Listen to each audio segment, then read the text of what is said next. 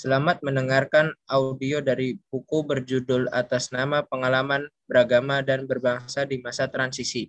Buku ini disusun dari percakapan jamaah sholat Jumat dengan Nur Holis Majid di Paramadina. Di forum bebas macam ini, berbagai persoalan dan dari masalah-masalah ibadah praktis sampai masalah transisi ke demokratis dibicarakan dengan terbuka, santai namun lugas.